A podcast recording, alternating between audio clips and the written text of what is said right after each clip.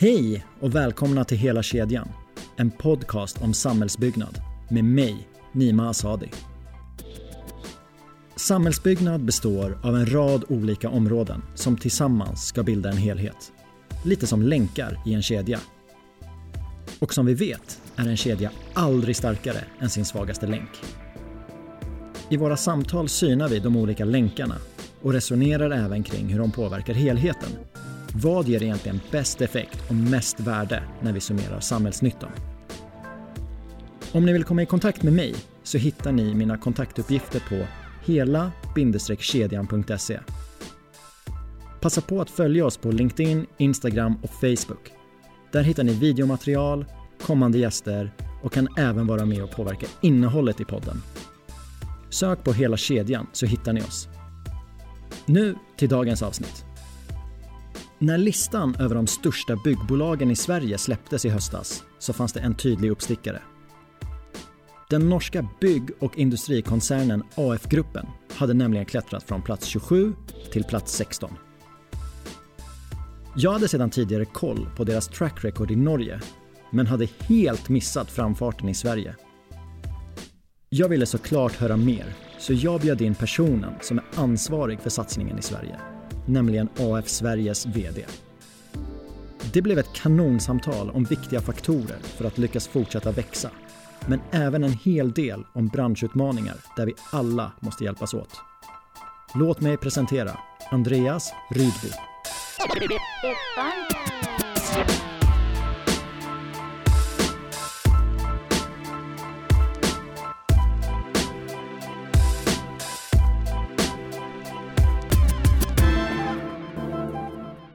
Varmt välkommen till podden Andreas. Tack så mycket. Kul att vara här. Våra lyssnare har fått höra i introt att vi ska prata lite mer om en ny utmanare i den svenska byggbranschen. Och de har även fått höra att du är VD för den här satsningen. Men inte så mycket mer om dig, så ska vi börja där? Mm, absolut. Eh, Andreas Rydbo. Jag är nationalekonom i grunden, så jag har ju ingen eh, sån erfarenhet av byggbranschen så tillvida att jag har vuxit upp och varit på ett bygge under tidiga år. Utan eh, kom faktiskt till byggbranschen, eller till samhällsbyggarbranschen, eh, till Trafikverket från början. Eh, jag var på regeringskansliet innan. Så på Trafikverket var jag i 11 år. Jobbade med investeringsdelen där, alltså nybyggnation av först järnväg eftersom det var Banverket först och sen både eh, väg och järnväg. Och därefter till Göteborg Energi som vice VD under några år. Ganska likartat faktiskt, energibransch och, byggbransch, samhällsbyggnad, infrastruktur överhuvudtaget. Och sen 2016 eh, då som VD för AF Sverige. Och hur blev du lockad till den tjänsten? AF hade jag faktiskt ingen aning om vad det var innan jag, innan jag fick kontakt via en rekryterare kring, eh, kring tjänsten. Eh, och frågan var om jag var intresserad av VD-rollen för AF i Sverige. Så jag tänkte jag får ju, jag får ju gå på det där och, och kolla vad det är för någonting. Eh, jag förstod att det var en norsk bygg och fastighetskoncern, eh, också med anläggningsverksamhet. Så jag gick dit och träffade två glada norrmän och fick då veta att tanken var att rekrytera någon som skulle kunna ta ansvar för satsningen i Sverige. Vilket kändes som ett kul jobb i sig. Eh, och sen när jag fick reda på vad AF är för en koncern och, och, vad det står för både värderingsmässigt och all den verksamhet man bedriver och historien. Så eh, ja, till slut blev det svårt att säga nej. Om vi tar det ekonomiska först. Hur stort var bolaget som du kom till i Sverige? Ja, när jag kom så var den delen som hette AF i Sverige, den, den bestod av två bolag och omsatte en eh, halv miljard ungefär. Med fokus på Göteborg och västkusten.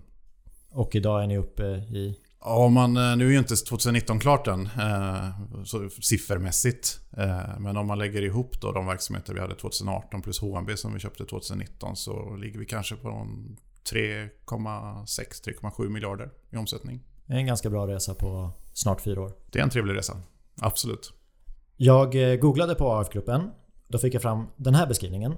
AF-gruppen är en ledande bygg och industrikoncern med 5700 medarbetare i Norge, Sverige, Storbritannien och Litauen. Och då reagerade jag på bygg och industrikoncern. Vad betyder det? Alltså, AF är ju en, en eh, lite mer blandad verksamhet kan man säga än de som vi brukar anses vara konkurrenter till. Alltså NCC, Skanska och Veidekke och så vidare. Eh, den största delen av koncernen är ju självklart bygg och anläggning. Eh, den absolut största delen. Men vi bedriver också offshore-verksamhet. Vi plockar ner plattformar ute på Nordsjön. Eh, vi har även varit med och byggt plattformar till Nordsjön, eller delar av plattformar. Vi har en energiverksamhet där vi jobbar med energieffektivisering, framförallt i Norge. Och vi har även miljöverksamhet. Vi driver miljöparker i Norge. Vi jobbar med både lätt och tungrivning i verksamheten. Så det, den är mer diversifierad kanske än en vanlig bygg och anläggningsaktör. För det var en av delarna som jag reagerade på. Att det är en bygg och en industrikoncern. Sen reagerade jag på en annan sak och det var när jag gick in på AF-gruppens Sveriges hemsida. Eh, och då hittade jag tre företag inom bygg. AF Bygg Göteborg, AF Bygg Syd och HMB. Tre företag inom anläggning. AF Bygg Syd, Pålplintar och Kanonaden. Ett företag inom miljö. AF Härnösands Byggreturer. Och dessutom en nystartad projektutvecklingsverksamhet som heter AF Projektutveckling. Det känns lite spretigt så här utan att veta bakgrunden.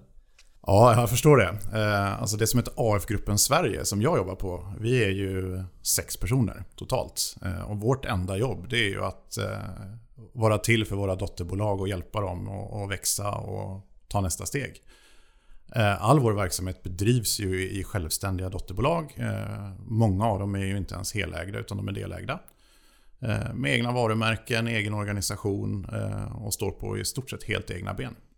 Som ansvarig för AF-gruppen i Sverige, vad vill du ska vara den gemensamma nämnaren bland de här dotterbolagen? Då tänker jag både medarbetarperspektivet och kundperspektivet. Vi har, vi har ju några grejer inom AF som, som förenar oss skulle jag vilja säga. Det första är ju, är ju eh, medägarskapet. Eh, många av oss äger ju i den börsnoterade AF-gruppen på Oslobörsen. Eh, men väldigt många äger också i strukturen längre ner. HMB och Kanonaden för exempel, där äger jag 70%. 30% ägs av ledning och nyckelpersoner i respektive bolag. Och så vill vi fortsätta ha det. Vi tror ju också ganska mycket på en liksom decentraliserad kultur, en självständighet. Eh, så tillvida att de här bolagen är helt självständiga i sitt beslutsfattande och i sin marknad och i sin verksamhet. Eh, branschen är ju ganska lokal i min uppfattning. Både bygg och anläggningsbranschen. Och därför tror vi att eh, lokalt ägarskap och lokalt ledarskap och ansvar och mandat är, är rätta vägen framåt. Så det, det, tror jag förenar oss som, som familj om man säger så. Det är nästan bättre att säga en AF-familj än en AF-koncern. Jag är en stor supporter av företagskultur. Jag tycker att den är jätteviktig och läser man i branschpress eller vilken press som helst så ser man ju att kultur lyfts fram. Det är, det är så vi ska attrahera nya medarbetare. Hur jobbar ni med det på AF-gruppen i Sverige? Jag tänker, eftersom att ni har olika varumärken. Så hur bedriver ni det kulturarbetet? Ja, alltså, alltså det korta svaret är att vi bedriver inte så mycket kulturarbete utifrån AF som helhet. Eh, vi har fyra stycken kriterier som eh, vi styr våra dotterbolag med och som är, alltså, de är inte valbara. Eh, två stycken är, är ganska enkla. Det handlar om riskhantering. Vi har en riskhanteringsmodell. Den måste man följa. Vi är börsnoterade. Man måste följa vår ekonomiska och finansiella rapportering. Sen kommer två andra kriterier och det är då säkerhet, eh, där vi har ett stort fokus på säkerhet. Och sen sist men inte minst kultur, etik och värderingar. Och där är det ju så att, att om vi tar HMB som exempel, de har ju HMBs kultur. De har inte en AF-kultur. Kanonaden har kanonadens kultur. Eh, men för oss är det otroligt viktigt att de parametrar och de grundläggande delar i kulturen i HMB och kanonaden stämmer överens med AF. Och det handlar ju om, eh, som jag sa innan, stort fokus på lokalt ledarskap och ägarskap. Stort fokus på moral och etik, ordning och reda. Eh, AF har ju inte varit inblandade i några stora skandaler över tid och det vill vi fortsätta att hålla oss utanför. Så när vi eh, förvärvar ett bolag så lägger vi ju nästan 90% av tiden på att lära känna bolaget kulturmässigt så att det passar. Och 10% på det som är en, en traditionell DD, alltså finansiella nyckeltal och eh, eh, gå igenom siffror. Det känns ju som att när ni gör ett uppköp så är det ju väldigt mycket som är kvar intakt på det bolaget som ni förvärvar. Du nämnde rapporteringen, att den kan förändras i och med att ni är börsnoterade. Om vi tar HMB-exemplet. Förutom rapporteringen, är det några andra delar där ni har varit inne och förändrat? Ja, riskhanteringen nämnde jag ju. Eh, där har ju vi en riskhanteringsmodell eh, där vi ställer vissa krav. Eh, lämnar man in ett större anbud, eh, över 100 miljoner i självkostnad, så måste man göra en riskvärdering enligt AFs modell. Eh, och då deltar jag på den och då deltar folk som leder den riskanalysen. Och hela syftet med det, det är ju att hantera de risker som finns i självkostnaden. Eh, sen är det HMB själva som ansvarar för hur de tar till sig det i anbudet och hur de jobbar in det i anbudet. Men riskhanteringen ska göras. Vi värderar också hela eh, portföljen av projekt varje kvartal kring risker. Och då värderar vi både stora projekt och i verksamheter som har många mindre projekt, till exempel kanonaden, så värderar vi portföljen. Och det är liksom ganska tydliga modeller och verktyg som vi har infört som man måste förhålla sig till. Eh, och sen så har vi ju säkerhetsaspekten. Eh, vi ställer ju väldigt höga krav på säkerhet. Vi har ju ett mål om H1 lika med noll, det vill säga vi ska ha noll olyckor med frånvaro i hela koncernen. Eh, det rapporteras på ett visst sätt och följs upp på ett visst sätt. Och eh, vi har ju också olyckor som alla andra. Vi har olyckor med frånvaro också. Sker en sån, eh, då sker en granskning enligt en AF-modell. Där man går ut och granskar vad det är som har hänt och sen förväntas jag delta på det slutuppföljningsmötet. VD i HMB förväntas delta. Och självklart också då berörda ute i projektet. Men även någon i koncernledningen i Oslo deltar. Just för att lägga fokus på vad var det som hände här och vad kan vi göra för att det inte händer igen. I HMB, i AF Sverige och i hela koncernen. Så de tre delarna har påverkat HMB under det här året, eller under 2019 framförallt. Jag reagerade på när du berättade det för mig under försnacket att det är så att du åker ut till den arbetsplats om det händer någonting. Jag tycker att det är jättebra Samtidigt tänker jag att ja, men det är väl inte så vanligt att VDn åker ut när det är en skada med frånvaro. Är det samma rutiner för AF-gruppen i Storbritannien och Norge eller är det här någonting som ni har bestämt här i Sverige? Det är samma rutiner i hela AF-gruppen. Storbritannien, Norge, Litauen, Sverige. Härligt. Ja, jag, jag tror att det är... Vi, vi använder ett ord i AF-gruppen kring det här som heter konsekvenskultur. Och det är konsekvenskultur på norska. Eh, konsekvens på Sverige låter ju mer som att det är någon som ska få konsekvenser av detta. Och det är inte riktigt det det betyder. Eh, utan det betyder att vi tar ett ansvar när någonting har hänt. Eh, då är det mitt ansvar eh, som chef i Sverige och det är koncernledningens ansvar som chef för hela AF eller som leder hela AF att faktiskt ta reda på vad var det som hände, vad kan vi göra annorlunda? Inte för att peka ut någon som ansvarig utan hur ser vi som organisation kan göra bättre nästa gång. Alla olyckor med frånvaro leder till en one-pager eh, som beskriver vad som har hänt, vilka åtgärder har vidtagits och vad är det för medskick för att, göra, för att förhindra det. Eh, och det går ut till hela AF-gruppen varje kvartal. Och det gås igenom på alla kvartalsuppföljningar. Jag tänker varumärkesmässigt. När jag kollade vilka bolag som finns inom AF-gruppen i Sverige. Så vissa av bolagen har ju AF i sitt bolagsnamn. Och vissa har det inte. Finns det någon tanke kring på vilket sätt det ska vara och varför? Tanken är ju att hålla kvar den, den eh, starka lokala självständigheten och det decentraliserade fokuset i AF. Eh, HMB är ju ett starkt varumärke lokalt i sin marknad, i sin egen geografi. AF-gruppen är ju inte det. Eh, vi ser inte att det finns någon anledning att tvinga på ett varumärke bara för att göra det. Utan HMB är ett självständigt bolag i AF-familjen och ska växa vidare och eh, stärka sitt varumärke.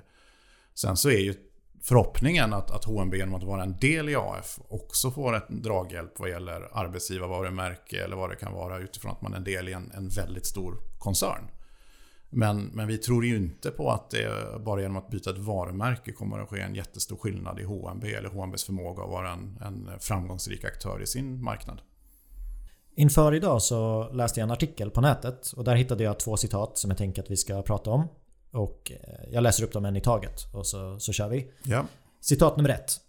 Förvärvet av HMB är i linje med vår strategi att förvärva upp till 70% av framgångsrika bolag och tillsammans med ledningen fortsätta att utveckla bolaget. Och då reagerade jag på 70%. För jag har gått i en skola där det är sagt att det är 100% vi ska förvärva. Det är då vi kan göra bra saker. Så om vi börjar med tanken kring 70%. Vad finns det för för och nackdelar med att inte vara 100% ägare?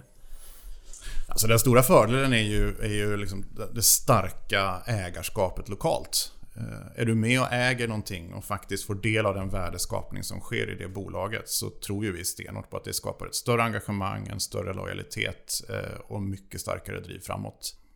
Om du köper upp mitt byggbolag och så köper du 70% av det. Vad, vad vill du få ut av mig som har kvar 30%? Som jag sa så tror jag att du eh, kommer att vara kvar med en stor lojalitet och engagemang. Du är fortfarande delägare i bolaget. Du är med och driver det vidare. Du är med och får ta del av de värden som, som finns eh, och som skapas. Eh, sen så vill ju jag att du ska ta hjälp av AF och utveckla bolaget ännu mer. Eh, både vad gäller eh, verksamhet, vad gäller säkerhetsfrågor.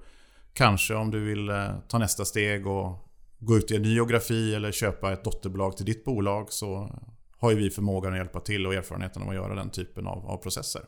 Är det det ni brukar lyfta när ni sitter i förhandlingar om förvärv? Just när ni vill att en befintlig ledning kanske ska vara kvar som delägare? Är det de fördelarna ni lyfter fram då? Ja det är det. Eh, och vi köper ju aldrig om inte befintlig ledning vill vara kvar som delägare. Det är ett absolut nej för oss. Eh, vi är inte riggade för att ta hand om bolag och integrera in dem och, och äga dem så tillvida att vi tar över det operativa ansvaret.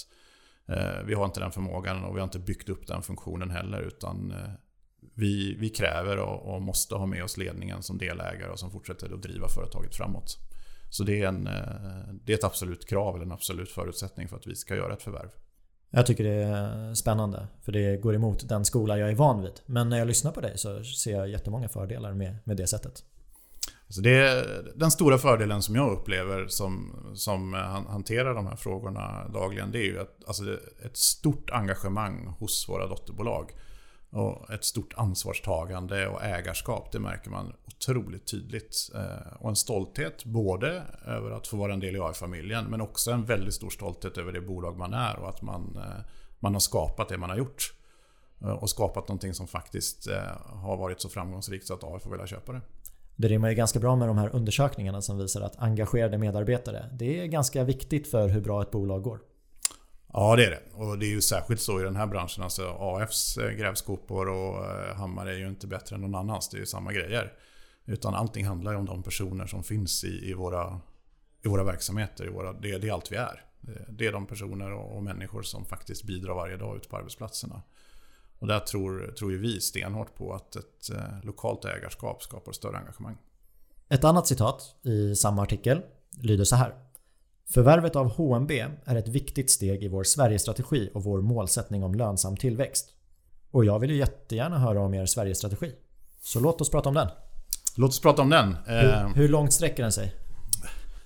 Ja, den sträcker sig väl förhoppningsvis hur långt som helst. Ja. Eh, när jag klev på för fyra år sedan så eh, var det med en uttalat mål om att växa i Sverige. Eh, då hade vi i strategin två väldigt viktiga pusselbitar som vi ville få till. Det ena var att köpa ett nischbolag inom anläggning.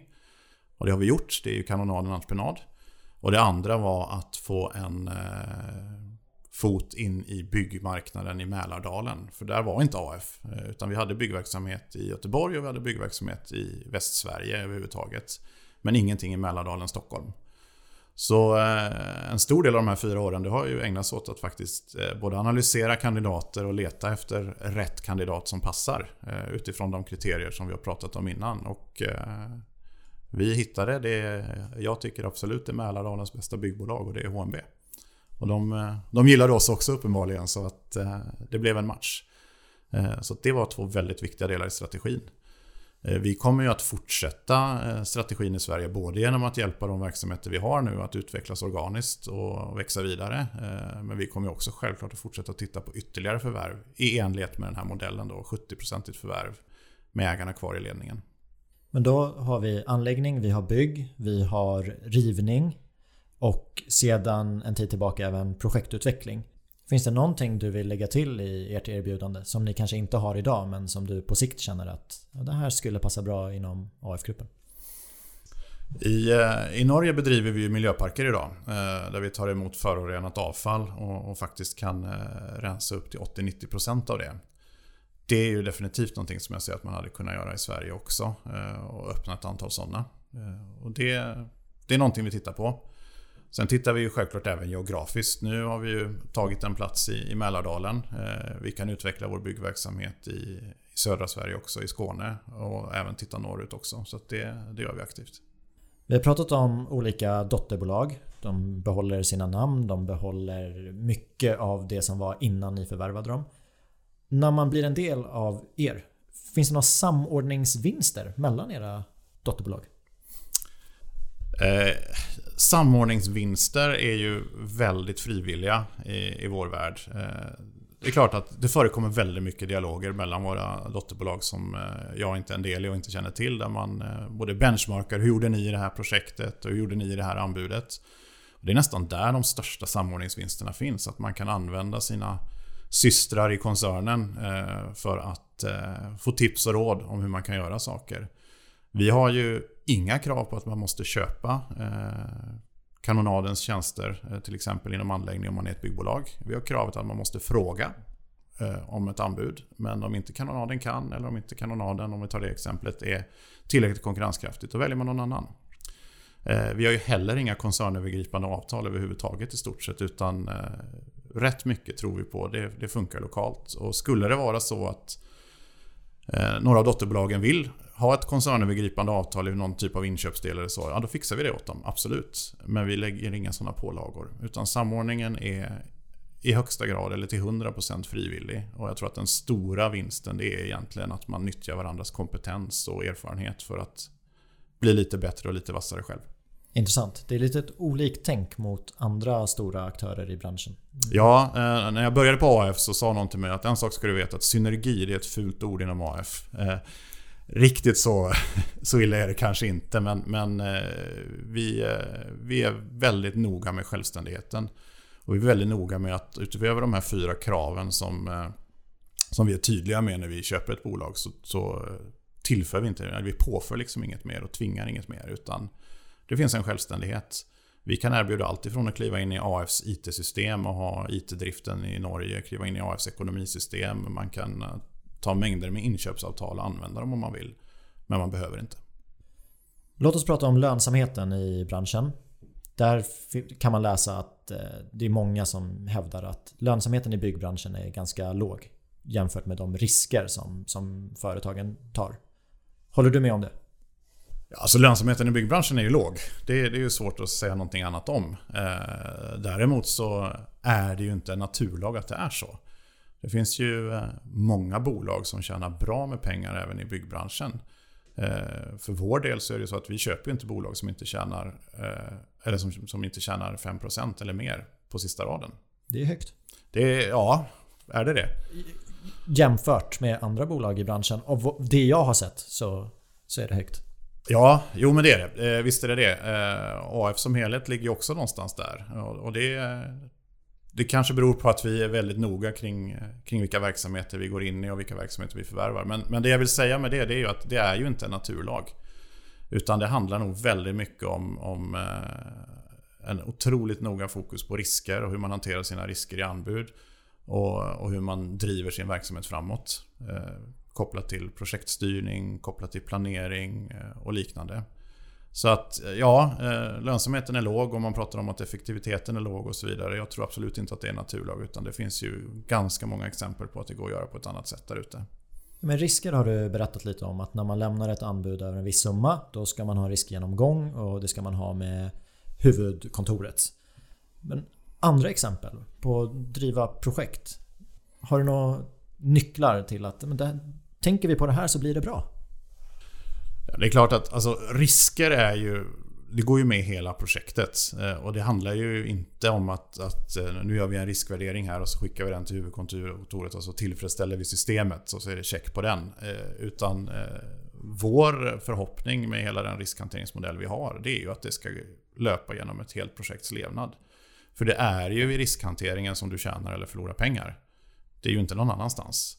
Eh, och har du en aktiv riskhantering och aktivt jobbar med dina risker hela vägen ute i projektet och i projektstyrningen, då, då finns ju definitivt möjligheter att, att tjäna bra med pengar. Sen tror jag att, att ja, om jag får liksom sticka ut hakan lite grann, det kanske jag inte gör, men lite i alla fall, så det finns en, en, eh, lite av en mentalitet i branschen att nej, men vi tar det där projektet och så dumpar vi priset och så får vi det och sen så löser vi det under projektets gång. Jag tror inte riktigt på den modellen. Jag tror att man ska vara väldigt trogen till den självkostnad och det pris man räknar fram som man tror att det här kan vi leverera det på. Och är det så att man inte får projektet då, då skulle man nog inte haft det. det finns en viss cowboy-mentalitet i det kan jag tycka i branschen. Och det, det är klart att det skapar ju förlustprojekt. Det kan skapa fantastiska projekt också. Men vi ser ju mer förlustprojekt om man ska vara helt ärlig. Det är ju en del. Ett annat modord i branschen är ju produktivitet. Och där finns det ju experter som säger 20-30% och vissa som sträcker sig till att äh, vi skulle kunna bygga till halva kostnaden om vi gjorde allting på, på rätt sätt. Vad är din bild av produktiviteten i byggbranschen?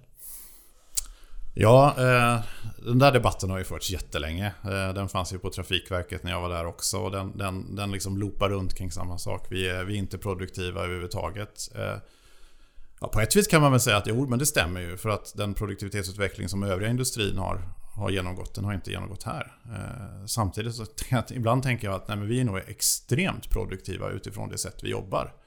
Ska man raljera lite så är det ju en bransch där vi, vi är jättebra på att lösa problem. Vi är otroligt bra på att lösa saker och ting som uppstår på plats. Eh, och vi gör det väldigt effektivt. Eh, men det är klart om allting alltid är en ny händelse, allting alltid är en ny sak. Ja, då får du en, en, Du blir duktig på att lösa det. Vi är förmodligen den mest lösningsorienterade bransch som finns. Men du får ju aldrig en kontinuitet i att hur upprepar vi det här nästa gång ännu lite bättre. Så det här med, med effektivitet och att faktiskt lära sig eh, och tänka industriellt. Det tror jag vi har en resa att göra. Och det handlar inte i min värld om att man ska bli mer prefab, gå mot mer prefab. Det handlar om att faktiskt bli mer effektivt i de processer man har ute, ute på bygget. HMB är ju ett ganska traditionellt bolag till exempel. De har väldigt lite prefab och väldigt mycket platsbyggt.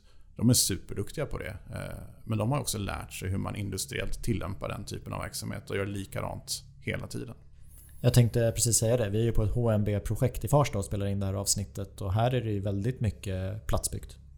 Ja, det är det. Och det har ju varit HMBs filosofi ända från början att eh, faktiskt göra på ett väldigt traditionellt sätt och bli riktigt bra på det. HMB själva hävdar ju att de, de är mer effektiva än eh, prefab-lösningar. I samma typ av projekt hade de varit mer effektiva med sin, med sin platsbyggda lösning. Och det tror jag faktiskt att de är. Men de har ju vågat att ta det, den varianten hela vägen ut och bli riktigt bra på det. Och jag tror att det, det skapar effektivitet, absolut.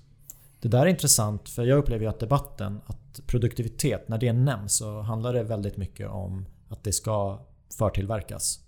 Och kanske inte så mycket om att men, planera ordentligt. Sen själva utförandet, det, det, kan göras på olika sätt. Men det är planeringen och se till så att det är byggvänligt. Det är det som är det viktiga. Hur upplever du debatten?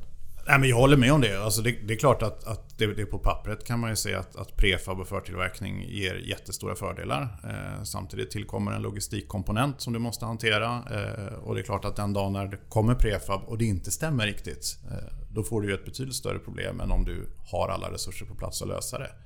Men oavsett vilken väg du väljer, och jag tror att här handlar det rätt mycket om att hitta rätt lösning för rätt projekt.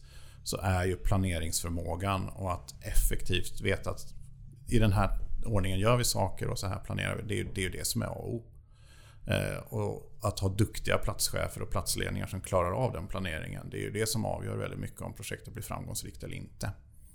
Entreprenadformer då? Totalentreprenad, generalentreprenad, samverkansentreprenad. Har du någon favorit? Nej. Eh, ofta, det är ju lite... Det går ju lite trend i det där kan man väl säga. Eh, när jag var på Trafikverket så skulle vi eh, satsa jättemycket på totalentreprenad och vi skulle lämna generalentreprenad. Då hade man jobbat nästan bara med generalentreprenader tidigare och tyckte väl att det inte funkade. Så går man mot totalentreprenad. Och för min del så handlar det ju inte jättemycket om att det här är bättre än det andra. Utan det kokar faktiskt också i min värld ganska mycket ner till risker. Alltså, vem i det här projektet är bäst på att hantera de risker som finns? Är det så att det är beställaren, ja då ska man ha en generalentreprenad. Är det så att det är eh, entreprenören, ja, men då ska man gå mer mot totalentreprenad. Eller om man hittar någon, någon riskdelning i form av samverkansentreprenad. Jag, jag tycker att det blir, det blir lite mycket trend i att det här är bättre än det andra. Och jag tror att man måste snarare titta på vem är bäst på att hantera risken. För det är den som är bäst på att hantera risken som lite grann styr vilken entreprenadform man ska ha. Är min uppfattning. När jag pratar med dig nu så upplever jag att det finns väldigt mycket frihet inom AF-gruppen. Dels hur företagen eller dotterbolagen har, vad de har för ekonomisystem, hur de jobbar. Också kring projekten. Det är inte så att det måste vara den här entreprenadformen. Det funkar idag bevisligen. Hur, vad ser du för utmaningar allt eftersom ni växer att kunna behålla den här friheten? Alltså, ja, friheten tror jag nog att vi, vi kommer att försöka ha kvar. Eh, det är klart att allt eftersom vi växer så blir ju strukturen mycket, mycket större. Eh, vår riskexponering blir mycket, mycket större. Eh, och vi måste vara ännu mer tydliga kring eh, värderingar och kultur. Eh, för det är egentligen där som vi, vi kan säkerställa att bolagen agerar på ett AF-mässigt sätt om man får säga så. Eh, jag tror inte på att alltså, vi kan tillföra x antal mallar och dokument som ska fyllas i. Det, det är ju inget problem. Det kan man göra hur mycket som helst. Det kommer ju inte att tillföra en ökad grad av kontroll och säkerhet i att det här funkar bra. Eh, det kommer att kunna ge vissa indikationer. Eh, men vi måste bli ännu mer eh, starkare fokus på att våra döttrar har ett starkt kulturarbete och en starka värderingar som, som håller över tid. Det, det, det är min uppfattning. Sen tror jag att Alltså den decentraliserade modellen tror jag absolut har framtiden framför sig. Jag tror att alltså folk vill vara engagerade eh, och delaktiga i där man är och jobbar. Det, det, är väl någon slags generell samhällstrend som man ser mer och mer av. Eh, och det, det tror jag stärker vår modell framöver. Jag tror att delägarskapet skapar absolut den typen av, av ansvarstagande. Och det gör ju också att i takt med att vi växer och, och så att säga, eh, trädet blir större. Eh, har du delägarskap långt ut i strukturen så skapar du ett ansvar för att du, du, du tar ett stort ansvar och du, det är ju dina egna pengar i slutändan som, som du spelar med. Vi var inne på att eh, i den här friheten så är det ändå arbetsmiljön. Där ska vi ha det på ett visst sätt. Vi ska rapportera på ett visst sätt och vi ska ha en viss rutin om det händer saker. 2019 i Sverige så var det 14 personer som gick till jobbet på morgonen och inte kom hem levande. De omkom på arbetsplatsen. Hur kan vi som bransch bli bättre? Ja, eh, det där diskuteras ju väldigt mycket. För mig, för mig handlar det nästan i stort sett bara om ledarskap.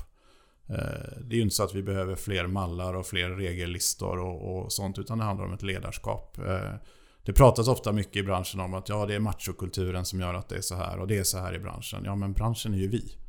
Det är ju inte någon annan som sätter den kulturen. Den kommer ju inte från eh, någon annanstans. Utan det är ju vi som är kulturen och det är vi som utvecklar kulturen.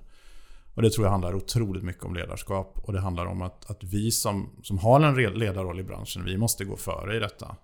Jag tycker till exempel, alltså våga göra saker ganska enkelt. Är jag ute på en eh, skyddsrond och ser att någonting inte är rätt, då är det faktiskt mitt ansvar att säga till. Eh, och det är också mitt ansvar, alltså behöver någonting flyttas, bara om det är någon, någon liten grej som ska flyttas, en brandsläckare till exempel som inte står där den skulle vara. Nej, men då flyttar jag väl den. Då pekar jag ju inte på en platschef och säger att titta den där är fel och han eller hon skriver på ett protokoll att här är fel och så går det in. Nej men då flyttar man den på en gång. Det tror jag handlar väldigt mycket om att skapa en säkerhetskultur i branschen. Att vi alla tar det ansvaret och att man faktiskt agerar i det lilla. Är jag ute på en, eh, på en arbetsplats, då ska jag se till att ha med mig min skyddsutrustning. Inom AF så är det hjälm och det är skyddsskor och det är glasögon och det är handskar och varselkläder.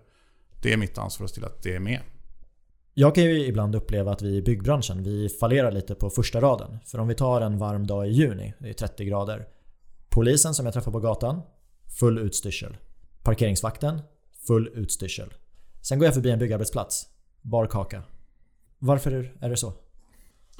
Ja, men du har ju helt rätt i beskrivningen. Eh, sen tror jag absolut inte att det behöver vara så. Eh, och det handlar väl återigen om det här med ledaransvaret. Att, eh, alltså åker jag ut till en arbetsplats och ska besöka den hos några av våra dotterbolag. Då är det mitt ansvar att ha med mig den skyddsutrustning som vi har sagt att man ska ha. Varselkläder, hjälm, glasögon, handskar, eh, skyddsskor. Eh, det ska jag ha med mig. Det ska jag ha på mig. Oavsett om det är jättevarmt eller inte. För att den dagen jag inte har på mig det, då sänder jag en signal att det är okej okay att inte ha på sig det för någon annan heller. Eh, om jag går förbi eh, någon som inte har eh, skyddsutrustning och ser det, då är det faktiskt mitt ansvar att påpeka det. Det är alla ledares ansvar att påpeka det och vi måste också vara supertydliga med att det är kollegors ansvar att påpeka det. Det är, det är i grunden någonting som man gör för att man bryr sig om varandra. Sen tror jag faktiskt att man måste börja vara väldigt tydlig att eh, är det så att någon vid upprepade tillfällen inte har den skyddsutrustning som man ska ha på sig, nej men då kan man inte vara kvar på arbetsplatsen heller. Det är, det är en konsekvens som, som vi måste få till. Har du varit med om det? Alltså ja, jag har varit med om det och jag har hört, jag har hört om det. Eh, det sitter ju väldigt, väldigt långt inne. Men det är också så att den dagen det händer på ett projekt då kommer ju det här med skyddsutrustning att ligga på en helt annan nivå dagen efter. Det är ju faktiskt den positiva effekten av det. Även om det är en, en supertuff process och, och någon blir arg eller vad det kan vara. Men den dagen det händer att du får faktiskt inte vara kvar för det här är andra eller tredje gången du inte har anbefalld utrustning. Då kommer alla ha den dagen efter. Och det är ju ett steg att stärka säkerhetskulturen. Alltså det är så enkelt det är. Säkerhetskultur stärks inte genom eh, eh, Eh, upprop eller, eller att vi ska prata mer om det eller, eh, eller så. Utan den stärks genom enkla konkreta handlingar i vardagen. Jag kan ju till exempel tycka att, att sån här stand down och fundera på säkerhet, absolut. Men jag är inte säker på att det tillför jättemycket jämfört med att faktiskt konkret säga att det är det här som gäller här. Följer man inte det, då får man faktiskt gå hem. Vi spelar in det här avsnittet i januari 2020. Vad, vad har du på din agenda för att bidra till en mer säker bransch i din roll som VD? Alltså det, är ju, det är ju att fortsätta vara ute. Jag, eh, förra året hade jag eh, ett eget krav på mig själv att vara med på eh, minst åtta skyddsronder i våra dotterbolag. Den nivån ska jag höja under 2020. Det har jag lovat min chef och det har jag lovat mig själv. Och det handlar ju om att jag kanske inte är en expert när jag är ute på alla detaljer, men jag är ute och jag visar att det är viktigt. Eh, jag har satt krav på mina dotterbolags att de måste göra mer än, minst en mer än jag. Och sen hoppas jag att det där fortplantar sig ner i organisationen. För det, det, är ett sätt för oss som ledare inom AF och även inom branschen som helhet att faktiskt visa att det här är på riktigt. Det är att vara ute och konkret göra skyddsronder och inte bara komma ut när det är säkerhetsvecka eller liknande utan vara ute och påpeka. Och jag har lovat mig själv och jag hoppas kunna hålla det för att det är klart, det är, det är inte alltid lätt att se någonting ska jag påpeka det på en gång. Sen ska vi självklart inom AF jobba vidare. Vi vi har gått med i Håll Nollan. Eh, jag ser fram emot att vi ska eh, börja vara med i den organisationen och få del av många andra goda erfarenheter som vi kan jobba vidare med. Vi eh, har ju också ett antal, ett antal, har ju haft ett antal olyckor varje år inom både AF Sverige och, och hela AF-koncernen. Och man kan ju relatera kring, eh, ja det är kopplat till så och så många arbetstimmar så är det lågt eller högt värde. Men det är fortfarande x antal personer som inte kunde gå till sin arbetsplats dagen efter. Och det är ju inte acceptabelt. Eh, byggbranschen är ju faktiskt en av de få branscher, om man undantar polis och, och försvar och sånt, där det är en hyfsat stor risk att skadas på arbetsplatsen jämfört med industrin i övrigt. Det är inte acceptabelt. Nej, verkligen inte. Vi vill ju attrahera de, de bästa och de mest engagerade. Då ska vi inte ha några som väljer bort oss. Man, man ska inte välja bort oss på grund av att det finns en risk att skadas. Nej. Eh, för det är någonting som vi äger själva och faktiskt kan ändra. Vi är i januari 2020. Vi har fått höra om AF Sverige, vart ni står idag och resan under dina fyra år på VD-posten. Vi blickar framåt tio år. Vart står AF Sverige då? Ja, då hoppas jag att AF Sverige har, har växt ytterligare och är bland de stora spelarna i, i Sverige eh, inom bygg, eh, bygg och anläggning eh, och vår verksamhet. Det hade varit helt fantastiskt. Eh, sen hoppas jag ju och tror att, att branschen har förändrats en del. Alltså vi pratar jättemycket om digitalisering. Eh, det är ju en bransch som utifrån det här eh, digitaliseringsperspektivet så har vi inte kommit jättelångt. Jag tror att på någon lista såg jag att det är möjligtvis jordbruk och turism som är lite mindre digitaliserat än bygg. Fiske har gått om oss. Fiske har gått om oss? Ja, ja bara det. Eh, bara, bara det skapar ett stort incitament att vilja och driva vidare kan man lugnt säga. Mm. Nej, men alltså det, det finns en, ett stort utrymme för digitalisering och att faktiskt effektivisera branschen. Och jag tror faktiskt också att digitalisering kan bidra till säkerhet. Så jag ser verkligen fram emot när, när rätt startups börjar komma fram med grejer som ökar säkerheten i vår bransch. Eh, så jag tror att det kommer att hänt otroligt mycket. Och jag tror att vi som traditionella aktörer eh, vi behöver ta med oss det där och faktiskt våga utmana våra egna processer kring digitalisering och vad vi kan göra annorlunda. För det är också så att i en väldigt traditionell bransch så är det perfekt för någon nykomling att komma in och, och göra saker på ett annat sätt. Det har vi ju sett i både taxibransch och hotellbransch. Och byggbranschen ligger ju inte långt bort, långt bort i det tror jag. Och då är man snabbt akterseglad om man inte är med. Men hur tror du om branschen? Kollar vi just nu och jämför i omsättning så har vi tre spelare som är lite större än de andra. Hur ser det ut om tio år? Ja, alltså det, ja, det är en jättebra fråga. Eh, jag tror ju fortfarande att det är, det är en ganska konsoliderad bransch så tillvida att det finns tre väldigt stora spelare och så finns det ett gäng, gäng mindre spelare. Jag är inte säker på att det kommer att förändras jättemycket om tio år. Det man kan fundera på det är ju vilken del i värdekedjan som, som vi tar. Eh, kommer vi som bransch att öka vår del i värdekedjan och både eh, bidra efter byggnation mer och kanske även innan. Med digitalisering och liknande finns ju definitivt de modellerna och möjligheterna. Eh, men det kan ju också vara så att vi äts från båda sidor och till slut så blir vi bara någon som säljer timmar och sätter ihop grejerna. Eh, och då kommer omsättningen generellt i branschen att gå ner kraftigt. Och jag tror dessutom att branschens attraktivitet kommer att minska för då, då eh, då blir man bara en väldigt liten del ganska långt ner i värdekedjan. Så jag tror att vi behöver som, som bransch verkligen fundera igenom det. Om vi ska fortsätta utvecklas men också om vi ska behålla den liksom, del av, av hela, hela ekonomins omsättning som vi har idag. AF Sverige, tar ni en större del av värdekedjan eller samma om tio år? Eller mindre? Jag hoppas att vi kan ta en större del av värdekedjan. Eh, antingen genom att vi utvecklar våra dotterbolag vi har eller att vi faktiskt tillför nya, nya delar eh, och förvärvar nya bolag. Eh, inom AF som helhet har vi ju till exempel startat upp något som heter AF Venture där vi går in med riskkapital i startupverksamheter inom bygg och, bygg anläggning fastighet. Än så länge så är investeringarna bara i Norge men det hade varit jättekul att göra något sånt i Sverige också. Om vi tar den första nyanställda år 2030. Hur tror du att den motiveringen kommer lida? Varför började den personen på AF Sverige? Eller vad, vad, hoppas du att den säger? Jag hoppas i grunden att det faktiskt är nästintill samma motivering som det är idag. Alltså jag började på att jobba på AF Sverige eller på något av våra dotterbolag därför att det fanns en möjlighet att få arbeta väldigt självständigt och decentraliserat. Det fanns en möjlighet att få vara del i värdeskapandet. Och det fanns en väldigt stor öppenhet gentemot att göra saker på ett annat sätt. Det är någonting som vi ofta pratar om inom AF, att vi ska kunna göra saker på ett annat sätt och utmana strukturer. Vi började åka ut på Nordsjön och riva oljeplattformar för vi tänkte att kan man riva på land kan man väl sätta en grävskopa på, grävskopa på en båt också. Det har ju gått bra. Eh, och jag hoppas att AF som helhet fortsätter med det och att det är något som lockar den nyanställda 2030.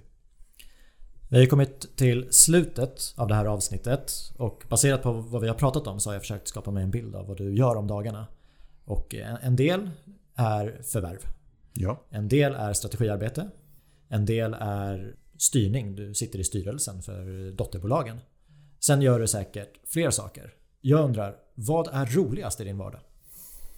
Ja, det är en bra fråga. Det är väldigt mycket som är kul. Alltså det är klart att alltså, förvärvsprocesserna, eh, de sker ju inte jämt. Eh, men när de sker så är de ju otroligt spännande. Det är väldigt mycket nerv i dem. Eh, för det handlar ju om att, att lära känna en helt ny verksamhet och till slut från båda sidor tacka ja till varandra.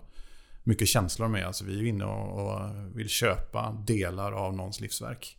Och det är klart att det är, det är otroligt spännande processer och det är processer som, som är väldigt intensiva när de är.